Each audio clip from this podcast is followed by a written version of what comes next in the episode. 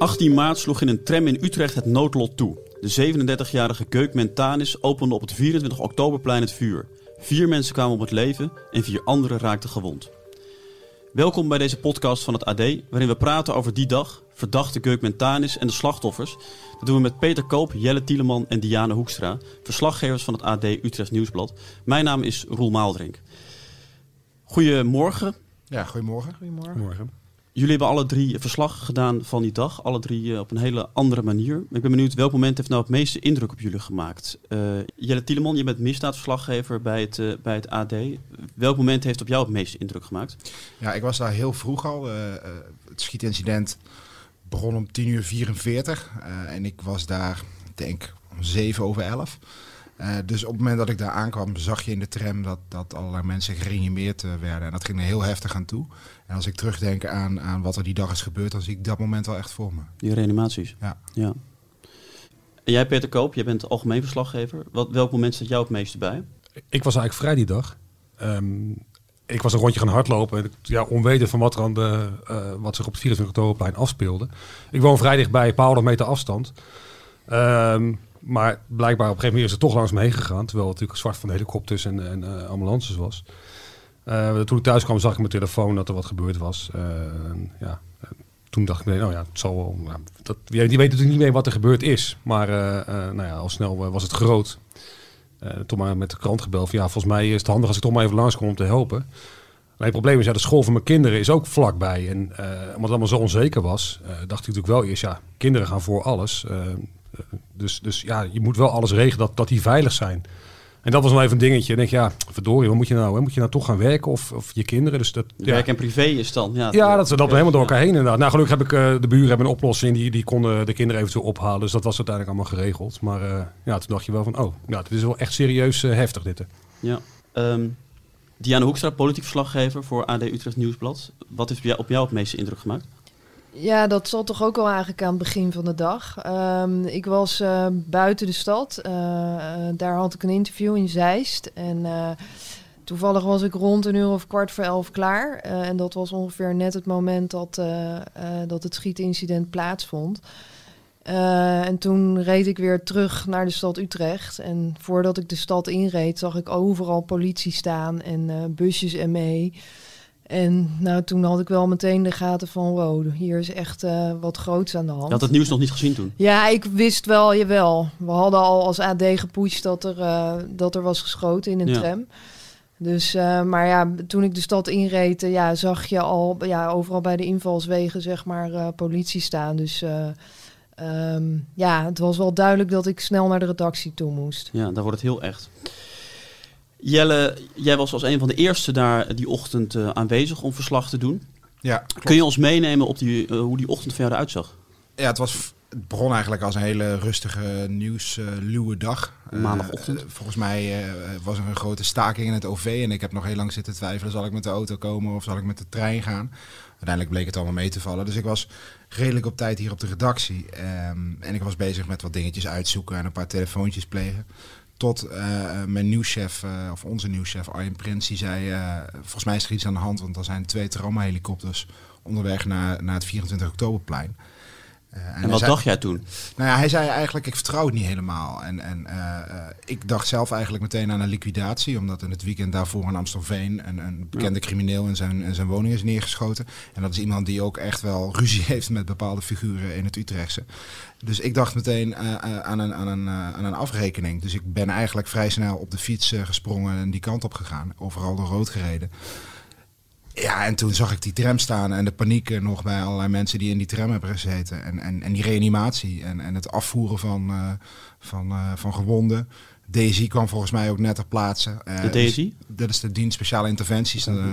Ja, zeg maar de elite-eenheid van, van de politie. Die ook echt ingezet worden om, om terroristen en zo te pakken. Ja, en dat zijn echt zware jongens, helemaal in het zwart met, met automatische vuurwapens. En wat dacht je toen? Nou ja, toen sprak ik mensen en die zeiden wat is er gebeurd. En die zeiden ja, er is in de tram geschoten. En ik zie dat die tram stilstaat. En ik dacht, dit is geen normale liquidatie. En, en toen heb ik meteen gebeld naar de redactie van dit, wat, wat, en beschreven wat ik zag. En, en ik stuurde een tweet. En ja, vanaf dat moment was de dag heel anders. Veel mensen hebben die dag ook gevolgd, eigenlijk naar aanleiding van jouw berichtenstroom hè, op, op, ja. op, op, op Twitter.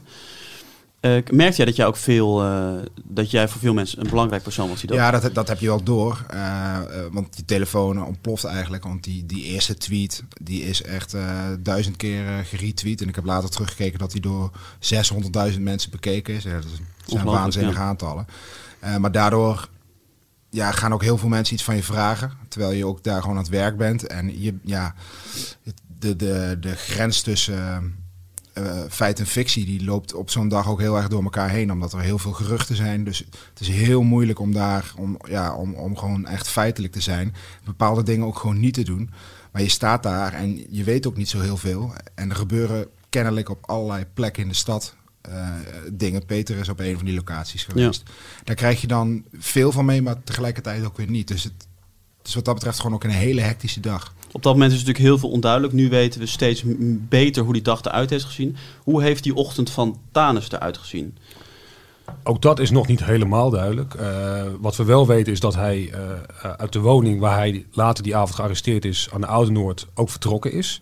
Uh, dus niet zijn, zijn echte woonadres, dat is ergens een Overvecht. maar naar verluid verbleef hij toch al enige tijd in, in die woning. Ehm, die dus op de naam van iemand anders stond. Uh, hij is vanaf daar is hij naar het 24 oktoberplein gegaan. Hoe hij dat gedaan heeft, of hij dat met ja, de auto, de fiets of met het openbaar vervoer uh, heeft gedaan, is niet helemaal duidelijk. Uh, we weten alleen dat hij op het 24 oktoberplein zelf de tramhalte is ingestapt. Uh, en ja, een fractie later dus het vuur is gaan openen. Wat nog wel aardig is om te vertellen over die woning is dat uh, dat een woning is waar veel uh, junks en, en uh, ja, randfiguren uit het Utrechtse daar samenkwamen. die, die sliepen daar en gebruikten daar drugs. Dus het was ook echt een soort ja, woning die wel bekend was bij allerlei van dit soort figuren in de stad. Ja, daar aan de Oud-Noord, hè? Ja.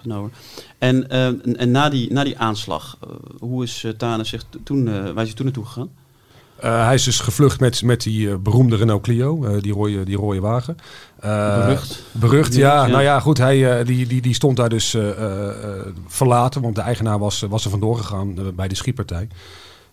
en daar is hij ingestapt en gewoon... Ja, dus de sleutels zaten nog in de contact. dus hij kon, gewoon, kon er gewoon mee wegrijden. En hij, hij is, die auto stond te wachten voor het verkeerslicht. Hij is om alle andere auto's heen gescheurd, om de tram heen. Maar dat is dan niet voorbereid, lijkt het? Dat lijkt inderdaad niet, nee. nee, nee. Wat, wat hem bezield heeft, dat is natuurlijk sowieso een uh, grote bron van, van speculatie nu nog en van, van onzekerheid. Uh, uh, hoe, hoe erg heeft hij dit gepland? Hoe impulsief is het geweest? Nou goed, het feit dat hij met een pistool, geladen pistool, de tram instapt. Ja, dat suggereert, dat suggereert wel dat, dat dat niet helemaal een impulsieve daad geweest is natuurlijk. Maar... En met die Clio rijdt hij dus weg? Maar hij komt niet ver eigenlijk. Uh, nou, uh, voor mij uh, rijdt hij waar hij waar die, waar die heen wil. hij rijdt naar een woning of naar een plek in, in Ondiep. Dat is gewoon ja, een andere kant van de stad. Daar laat hij de auto dus met draaiende motor laat hij achter. een briefje in de auto. ook het beruchte beroemde briefje. waar later een, een buurtbewoner op aangeslagen is. dan verlaat hij de auto, loopt nog wat rond daar. Uh, en uiteindelijk uh, gaat hij toch naar die woning terug op de Oude Noord. Uh, ja, in hoeverre daar, daarover nagedacht is, ja, ja, dat is nog allemaal, dat is allemaal onduidelijk. Dat moet echt nog onderzocht ja. worden. Uh, gaat misschien is hij wel op andere locaties geweest waar wij nog helemaal geen weet van hebben. Ja. ja. Maar uiteindelijk wordt hij aangehouden bij die woning aan Oude Noord. Ja. Dames en heren, dan ga ik nu deze persconferentie beëindigen. Heeft u een ogenblik? Ja. Zo, moeten we dat melden? Want hij is aangehouden. Ja? Hij is aangehouden. Is hij aangehouden? Even nu. Ja, we horen inderdaad zojuist, krijg ik door van mijn collega, uh, dat we inmiddels de verdachte die we zochten, uh, die hebben we inmiddels aangehouden. Uh, meer nadere gegevens heb ik nog niet, maar ik kan u dus wel melden dat de verdachte die wij zochten, dat die zojuist door de politie is aangehouden. Oké. Hoe heeft de politie hem uiteindelijk gevonden? Ja, een combinatie van uh, klassiek recherchewerk en, en uh, een, een technisch foefje. Het klassieke recherchewerk was simpelweg gewoon alle locaties afgaan, tips afgaan die, die binnenkomen. Eh, de Oude Noord was, eh, was een locatie die was binnen, binnengekomen bij de politie. En dat werd onderzocht of hij daar inderdaad mogelijk zou kunnen zijn. Totaal heeft de politie namelijk 14 invallen gedaan door de, door de hele stad op die dag. Eh, en het technische foefje is in dit geval ehm, internetbankieren. Eh, het bleek dat hij eh, met een telefoon die in die woning lag, die niet van hem was, eh, zocht hij contact met zijn, eh, met zijn om, om geld over te maken. Eh, en dat werd in de gaten gehouden. Dus op het moment dat hij eh, die transactie deed, eh, werd die telefoon uitgepeild. En toen konden ze ja, nagenoeg vaststellen dat hij in die woning was. Dus dat gecombineerd met het feit dat de Oude Noord al, al in beeld was. Ja, toen zijn ze razendsnel naartoe gegaan. En we hebben de beelden gezien. Ja, binnen no time eh, was die in de boeien en weg. Voor mijn gevoel was het, ik bedoel, ik ben geen expert, was het toch ook best wel snel hoe, de politie, hoe snel de politie hem uiteindelijk had. Ja, als je, als je de hele dag bekijkt wat er allemaal is gebeurd, is het waanzinnig snel. Het heeft uiteindelijk slechts zeven uur geduurd. Eh, en het doel van de politie is natuurlijk altijd om zoveel eh, mogelijk slachtoffers te voorkomen. En, en, en ze hebben het gewoon heel snel eh, gedaan. Ze hebben hem heel snel te pakken gekregen. Jelle, wat weten we van, van Tanis nu? Heel veel en tegelijkertijd ook eigenlijk heel weinig. En dat, dat laatste eh, zit hem dan met name op eh, zijn bewegingen om dit allemaal te doen. Wat weten we wel? Laten we daar dan mee Wat we wel weten is dat het iemand is die eh, al heel vaak voor, eh, voor de rechter eh, is moeten verschijnen vanwege een enorme waslijst eh, aan delicten. En wat voor delicten dan? Eh, dan gaat het van diefstal, belediging, vechtpartijen, eh, poging doodslag. Eh, de, de lijst is echt eh, eindeloos. En hoe vrienden, bekenden eh, en, en mensen uit het Wijkanaleneiland hem beschrijven is ja, als, een, als, een, als, een, als een dwaas, als een doorgesnoven gek. Die heel labiel is, die de, de ene, ene maand heel erg dogmatisch is en zich een gelovige moslim toont. En een paar weken later weer eh, ja, eh, drugsgebruikend eh, door de straten rent en, en, en willekeurige mensen aanspreekt. Dus hij was een, ja. hij was een kanaaleiland echt een hele bekende figuur. In heel Utrecht was hij bekend. Heel veel mensen kenden die man. Want ik, ik stond eh, bij de Laan van de Engels hier, bij die rode Clio. Eh, die naam was bekend geworden. Nog geen tien minuten later kwam er een omstander naar me toe met dat beruchte Geen Stel filmpje. Waarop je hem, eh, een verslaggever van Geen Stel... Jij geloof bent een eh, democraat, je kont hangt Precies, toch? Dat filmpje. dat ja. filmpje inderdaad. Dus dat, dat ging al meteen door de hele stad van, oh, het is, het is hij, ja, we kennen hem wel. En iedereen had ook een verhaal meteen over hem. Ja, ik ken hem vandaar en vandaar. En verbaasden mensen het dan? Nee. Nou ja, misschien niet. Dit zullen ze vast niet hebben zien aankomen. Maar nou ja, hij werd inderdaad wel als een dwaas werd hij gezien. Als een Ja. doorgesnoven gek, wat Jelle zegt.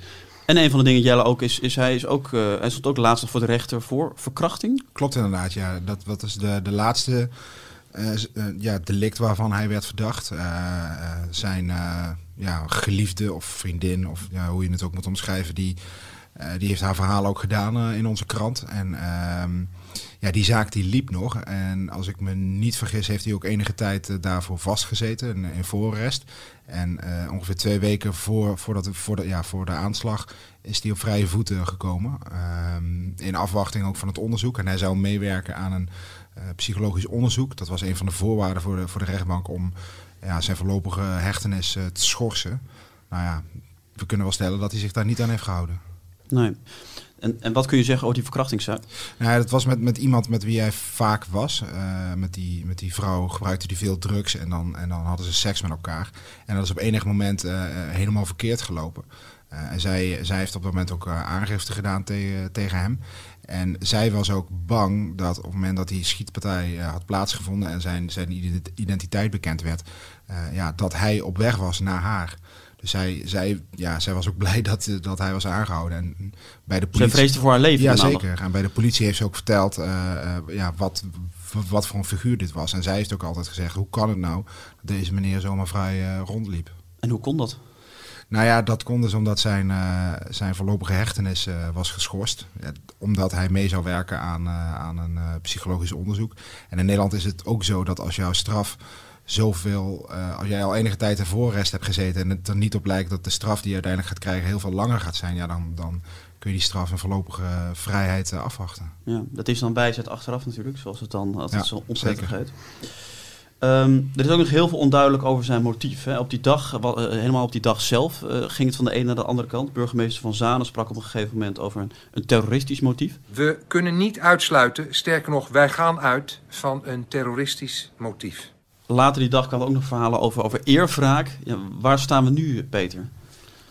dat terroristische motief is nog steeds leidend eh, bij eh, eh, politie en justitie. Daar wordt nog steeds van uitgegaan. Maar daar worden ook geen mededelingen verder over gedaan. Alleen dat hij dat motief, of in ieder geval dat hij ook bekend heeft dat hij uit terroristisch motief heeft gehandeld. Dat heeft hij bekend. Dat heeft hij bekend, inderdaad. Ja, hij heeft, was een aanklacht. Eh, eh, de aanklacht was eh, moord met een terroristisch oogmerk. Mhm. Dan wel doodslag. En dat, die aanklacht heeft hij bekend. Maar als je daar dan verder vragen over gaat stellen, hoezo dan en wat dan en wat, wat voor motief had hij dan en wat waren zijn beweegredenen, dan gaan de, de, de luiken weer dicht.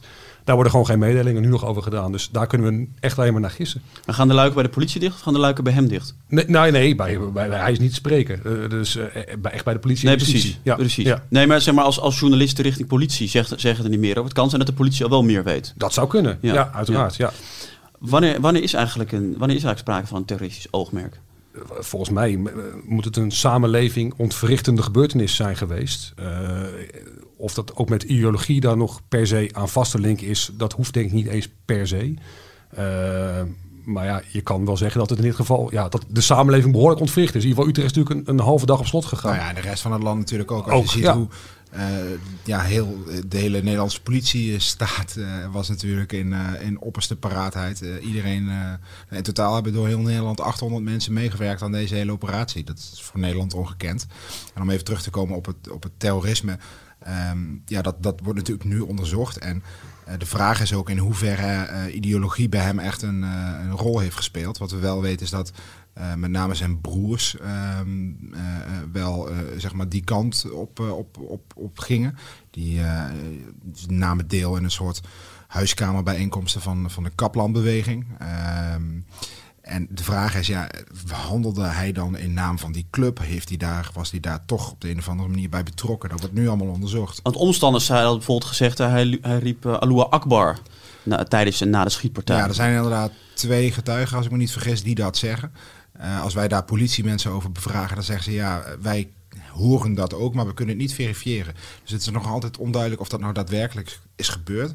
Of dat dat getuigen zijn die, ja, die, ja, die dat misschien gedacht hebben. Dat is, dat is nou, toch nog echt te onduidelijk om dat hardop te zeggen. Plus natuurlijk nog het briefje. hè? Wat stond daar nou op? Ja, ook dat, dat ja, niet bij ons. Eh, Nee. eh, de politie heeft het uiteraard eh, in, in onderzoek. Ik heb een getuige gesproken die de auto eh, heeft ontdekt en de politie ook getipt heeft. En die eh, vertelde mij dat ze duidelijk het woord Allah erop heeft gezien. Maar goed, dat horen we nu ook van één getuige. Ook dat moet nog blijken wat er nou precies, wat hij daar opgekrabbeld heeft of, of getypt. Eh, maar goed, dat zijn enkele aanwijzingen die toch in die richting natuurlijk dan eh, ja, wijzen in ieder geval. Dus de vraag blijft een beetje, is het een islamitisch terreur? Of is het een, is het een, een dwaas? Of is, is het allebei waar? Ja, dat, Ja. dat zou zomaar kunnen. Het kan natuurlijk ook een mix zijn van iemand die eh, onder druk van allerlei rechtszaken, onder druk van eh, drugsgebruik, eh, gevoed door ideeën die, die er bij bekenden van hem leven, dat hij in een mix daarvan eh, tot deze daad is gekomen. Dat zou, dat zou mijn beste eh, optie zijn. En eh, de, op, op die dag zijn er, zijn er meerdere verdachten opgepakt. Die zijn volgens mij inmiddels allemaal weer vrijgelaten. Handelde hij dan alleen? Dat is wat de politie wel eh, nu eh, ja, in het oog heeft in ieder geval dat het zo is. Ja, Ja, en die, die andere verdachten die zijn ook eh, uiteindelijk redelijk snel eh, vrijgelaten. Ze hebben wel eh, minimaal één nacht vastgezeten. Eh, lijkt me ook volstrekt logisch dat de politie eh, eh, grondig heeft onderzocht of er banden zijn, of zij op een of andere manier faciliterend zijn geweest. En daar heeft het alle schijn van dat dat niet zo is geweest. Het Openbaar Ministerie zegt ook, zij zijn geen verdachten meer. Nou ja, in zo'n grote zaak, als je dat zo snel kan zeggen, dan lijkt me ook dat, dat, dat je dat met zekerheid kan zeggen. En wat voor straf hem, hangt hem dan eigenlijk boven het hoofd? Ja, levenslang is het enige dat op dit moment in me opkomt. Volgens mij is de officiële uh, ter lastenlegging meervoudige moord. Uh, met een terroristisch oogmerk. Nou, volgens mij ben je er dan al. Zwaarder kun je het haast niet hebben, Zwa toch? Nee, zwaarder kan niet. dat hangt natuurlijk uiteraard ook nog af van, van de psychologische omstandigheden. Uiteraard, Eh, dat uiteraard. hangt er weer allemaal TBS-maatregelen weer boven zijn hoofd. Als die echt onderzocht wordt en echt dat die uh, ontoerekeningsvatbaar wordt verklaard. Uh, ja, dan zijn er weer hele andere strafmaatregelen mogelijk. Maar... Levenslang en TBS kan samen niet. Nee. Dus als er tot een TBS-maatregel uh, gekozen zou worden, dan ga je automatisch naar een, gevangenisstraf. Uh, de vraag is, uh, ja, valt er een stoornis bij hem te, constateren, ja, daar is het nu echt nog veel te vroeg voor. Uh, Hij zal dan naar het Pieterbaancentrum moeten. Dan is de vraag, gaat hij daaraan meewerken? Dat Hoe lang kan dat duren? Hoe lang kunnen wij als, als Nederland, als Utrechters weten wanneer hij, wat voor straf hij krijgt? Ja, dat gaat, dat gaat eigenlijk nog wel een tijdje duren. Ik heb met Peter deze week een soort berekeningetje zitten maken. Uh, je moet alles eigenlijk in drie maanden denken. Dus over drie maanden zal hij voor het eerst uh, voor een onderzoeksrechter moeten verschijnen. Uh, dan zal de stand van zaken in het, in het onderzoek besproken worden. Maar dan gaat ook al bekeken worden van, nou, willen we dat hij een, een psychologisch onderzoek uh, dat, dat hij daaraan mee gaat werken. Uh, is er plek in het Pieterbaancentrum? Zo ja, wanneer? Ja. En dan gaat hij over drie maanden, uh, dan moet zijn voorrest weer verlengd worden. Dus je moet iedere keer een stapjes van drie maanden denken. Nou ja, voordat je tot een inhoudelijke behandeling komt, ben je echt al een, een, een tijdje verder. Volgens mij zijn er alleen al 850 tips binnengekomen bij de politie. Er zijn tientallen getuigen, technisch onderzoek, beelden. Uh, die combinatie maakt dat we hier echt nog wel uh, even hebben tot, jij, jij tot zelf, er echt duidelijk is over een inhoudelijke rechtszaak. Jij dacht zelf ook een jaar misschien wel, hè? Dat, uh, ja, dat gaat duren. Daar hou ik zelf wel rekening mee. Ja. ja. ja. Um, Diana, het was ook de eerste keer dat Van Zaan als burgemeester moest optreden tijdens een, een crisissituatie. Jij hebt hem ook gesproken, vrij, vrij kort na de aanslag. Hoe, hoe was dat? Ja. Ja, ik sprak hem uh, die, uh, die dinsdag voor het eerst. De dag daarna? Uh, de dag na de aanslag inderdaad. dat was eigenlijk het eerste moment dat hij eventjes tijd had. Um, ik heb hem denk ik een kwartiertje kunnen spreken. nog niet eens. Het liefst, je hebt zoveel vragen dan. Dus het liefst zou je echt een uur met hem willen praten. Maar Wat was de meest prangende vraag op dat moment? Ja, toch wel um, ja, hoe hij de dag heeft beleefd. En, en welke moeilijke beslissingen die hij heeft moeten nemen. Hij gaf zelf ook aan, en dat kwam net ook al even aan de orde, van uh, de oproep was aan de stad Utrecht, blijf, uh, blijf binnen. Als je er niet uit hoeft, uh, blijf binnen. En hij zei wel dat dat een van de moeilijkste beslissingen is geweest die hij in zijn burgemeesterschap heeft moeten nemen. dat is natuurlijk niet niks als je dat zegt tegen de stad. En het gevoel daarover is wel dat dat de juiste beslissing is geweest. Ja, hè? zeker. Kijk, op het moment dat hij die beslissing nam, uh, toen uh, uh, werd er nog gedacht, of wat, ja, hield, hielden ze in ieder geval de mogelijkheid open dat er meerdere daders waren. en dat er ook waren er berichten dat er op meerdere plekken geschoten zou zijn. dus op basis van. Um, ja, van die gegevens heeft hij, heeft hij dat besluit genomen. Ja. Hoe was hij toen, die dinsdag? Ja, nou, zoals ik, zoals ik de burgemeester ken, uh, ja, uh, um, gefocust uh, en ja, vol warmte en, en medeleven met de nabestaanden. Ik kan me ook voorstellen dat je, dat je emotioneel of afgepeigerd bent na zo'n, ook als burgemeester. Ja, nou, dat, dat, ja, hij was natuurlijk wel een beetje vermoeid, maar ja, hij hij zat ook in een, in een roes en, en had die nacht ook, uh, ook niet heel lang geslapen. Maar hij moet ongelooflijk veel doen. Uh, dus uh, ja, al het andere wat niet hoeft, laat hij liggen. En dit is waar hij zich uh, volledig op heeft gericht. Hij is die maandag had hij uiteindelijk pas s'avonds laat de mogelijkheid om naar, de, naar het 24 oktoberplein zelf te gaan. Dus daar kwam hij geloof ik om een uur of negen aan. Daar heeft hij toen nog uh, met een aantal hulpverleners ook gesproken. De volgende dag is hij op bezoek geweest in het UMC Utrecht, waar de slachtoffers lagen. Um, hij heeft met nabestaanden gesproken. Um, dus ja, dat, dat zijn dan allemaal wel belangrijke dingen die je moet doen als burgemeester. Ja. Um, ja, hoe heeft Van Zanen het gedaan die dag als, als burgemeester? Voor zover je dat dan kan beoordelen. Ja, uh, nou ja, uh, er werd al gauw gesproken over. Hij, ja, hij heeft een uh, aantal foutjes gemaakt in een, in een, in een digitaal filmpje. Um, Um, Welke foutjes dan? Nou, hij noemde één keer het aantal slachtoffers uh, uh, niet goed. Hij zei dat er negen slachtoffers waren of gewonden, mm -hmm. terwijl dat er vijf waren. Uh, en een dag later zei hij, geloof ik, op de radio dat er twee verdachten die waren opgepakt alweer vrij waren gelaten, terwijl dat op dat moment nog niet zo was. Uh, Zijn dat grote blunders dan? Nou ja, het is, in de heat of the nee, moment. Ja, ja. ja, precies. En we weten ook, ik, ik hoorde dat het ging om een miscommunicatie. Dus je weet ook niet precies aan wie dat nou heeft gelegen. En ja, natuurlijk kan dat misgaan in de heat of the moment. Dat, dat vind ik niet gek, uh, dat het misgaat. En ik denk ook dat, kijk, uh, um, wat Utrechters um, zullen blijven onthouden, denk ik, van deze moeilijke week voor Utrecht, is dat deze burgemeester er was. Hij toonde zijn medeleven eh, is bij slachtoffers langs geweest, bij nabestaanden op de plek. Met hulpverleners heeft hij gesproken. Hij liep voorop met zijn vriendin tijdens de stille tocht. Ehm, kortom, hij was er en toonde zijn warmte. En dat is wat Utrechters eh, zich blijvend zullen herinneren. En niet deze twee foutjes. Die worden hem dan vergeven. Dat denk ik wel, ja. ja. Dan even naar de, de slachtoffers. In eerste instantie zijn er drie mensen daar omgekomen in die tram, of in ieder geval op die dag. Recentelijk ook nog een, een vierde slachtoffer. Wat weten we over hen? Uh, over twee weten we redelijk wat. Uh, Roos uh, Verschuur en Rinke Terpstra. Roos woonde in Vianen, 19 jaar. ze werkte bij Snackbar, bij de Macro. ja, zij zat, zij zat in die tram, vermoedelijk. En is daar door hem onder, onder vuur genomen. Het AD sprak een vriend van Roos. Roos was een lief, spontaan meisje. En zat uh, vol in het leven. En een van de andere slachtoffers, Rinke? Rinke Terpstra, uh, 49 jaar. Uh, vooral heel actief um, rondom de voetbalclub Desto in Leidse Rijn. die ochtend, hij, hij werkt bij ProRo in het centrum. In principe had hij in de tram niks te zoeken. Normaal gesproken is hij daar helemaal niet. Behalve die ochtend had hij zijn auto naar de garage gebracht. verderop in Kanaaleiland. En hij ging weer terug naar zijn werk. nam daarvoor de tram ja, de fatale tram achteraf. En uh, ja, hij is dus ook om het leven gekomen daar. Het noodlot, hè? Ja, nee, precies. Ja. Was bij zijn voetbalclub uh, heel populair. Ja, als jeugdtrainer. Um, en hij, um, um, ja, dat was hij gewoon heel geliefd. Hij was heel actief, uh, vrijwillig, vrijwilligerswerk. Hij stond altijd klaar voor anderen. dus ja, het is echt als een mokerslag bij die, bij die vereniging binnengekomen. Dus, ja, ze hebben daar ook afgelopen weekend, dus het weekend na de, uh, na de schietpartij ook echt op een hele mooie manier hem herdacht. Ja. En het derde slachtoffer? Um, ja, dat, het weet alleen maar van dat hij een 28-jarige Utrechter is. zijn naam is bij ons wel bekend, maar de familie heeft aangegeven niet mee naar buiten te willen komen. Ja. dus over de achtergrond van hem weten, we, weten we op dit moment ook niet zoveel.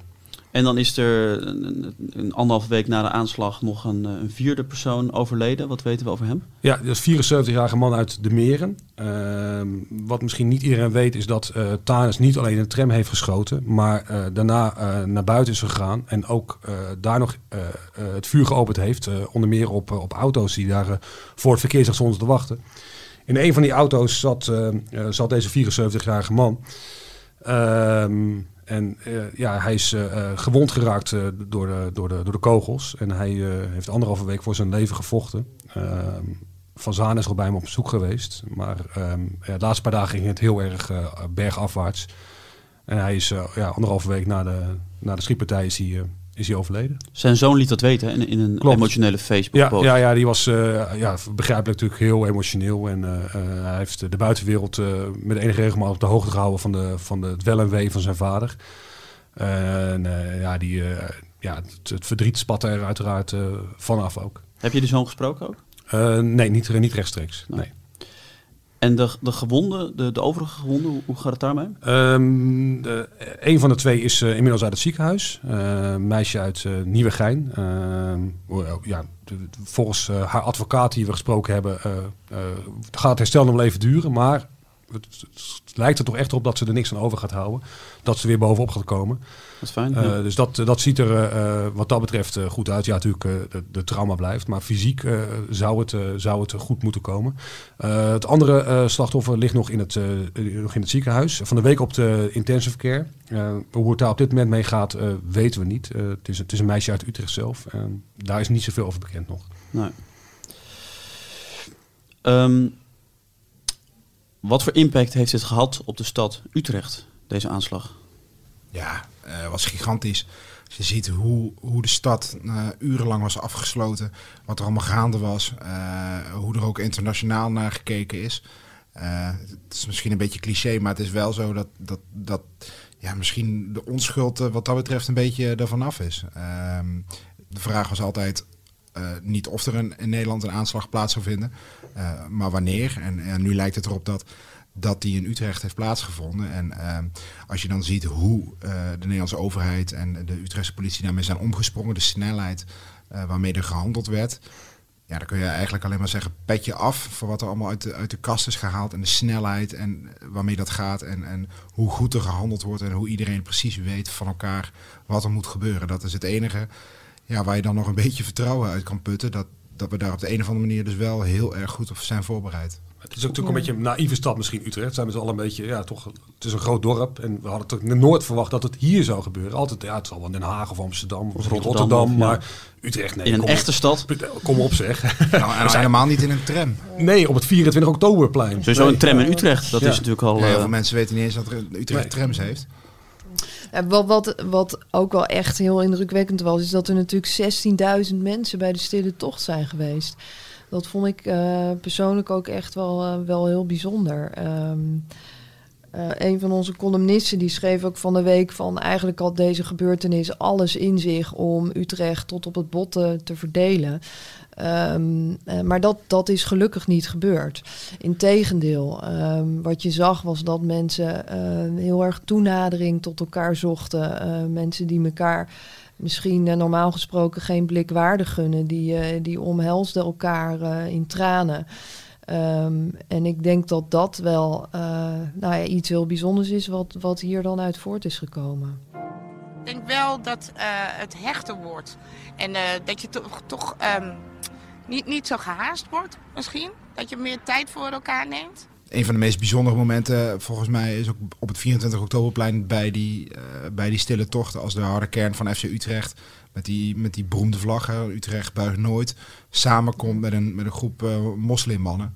eh, en elkaar daar ja, in de armen vallen en elkaar troost bieden. Ja, dat is niet iets dat je heel snel verwacht dat voetbalsupporters met een groep moslimmannen arm in arm staat. Dat vond ik wel heel indrukwekkend. En blijft dat gevoel, denken jullie, die, die saamhorigheid? Of is dat dan toch ook flinterdun?